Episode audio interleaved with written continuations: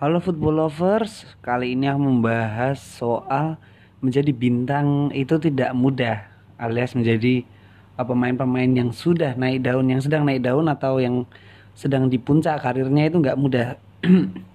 Mungkin banyak di antara kalian yang mikir tuh enak main bola, digaji, kaya raya, punya istri cantik, terus bisa leha-leha hidupnya. Padahal ada yang harus dijaga dan itu susah banget yaitu ke konsistennya penampilan. Semakin kamu tinggi atau semakin kamu di puncak di dalam dunia sepak bola pun kan perhatian netizen atau perhatian penonton akan fokus ke kamu dan mereka semua akan berekspektasi penampilanmu akan selalu menarik di tiap laga. Nah, ini perlu dibentuk latihan yang keras, kerja keras juga determinasi atau uh, loyalitas terhadap tim jadi bisa menunjukkan energi-energi uh, yang bisa konsisten juga gitu. Itu hal yang susah nggak mudah guys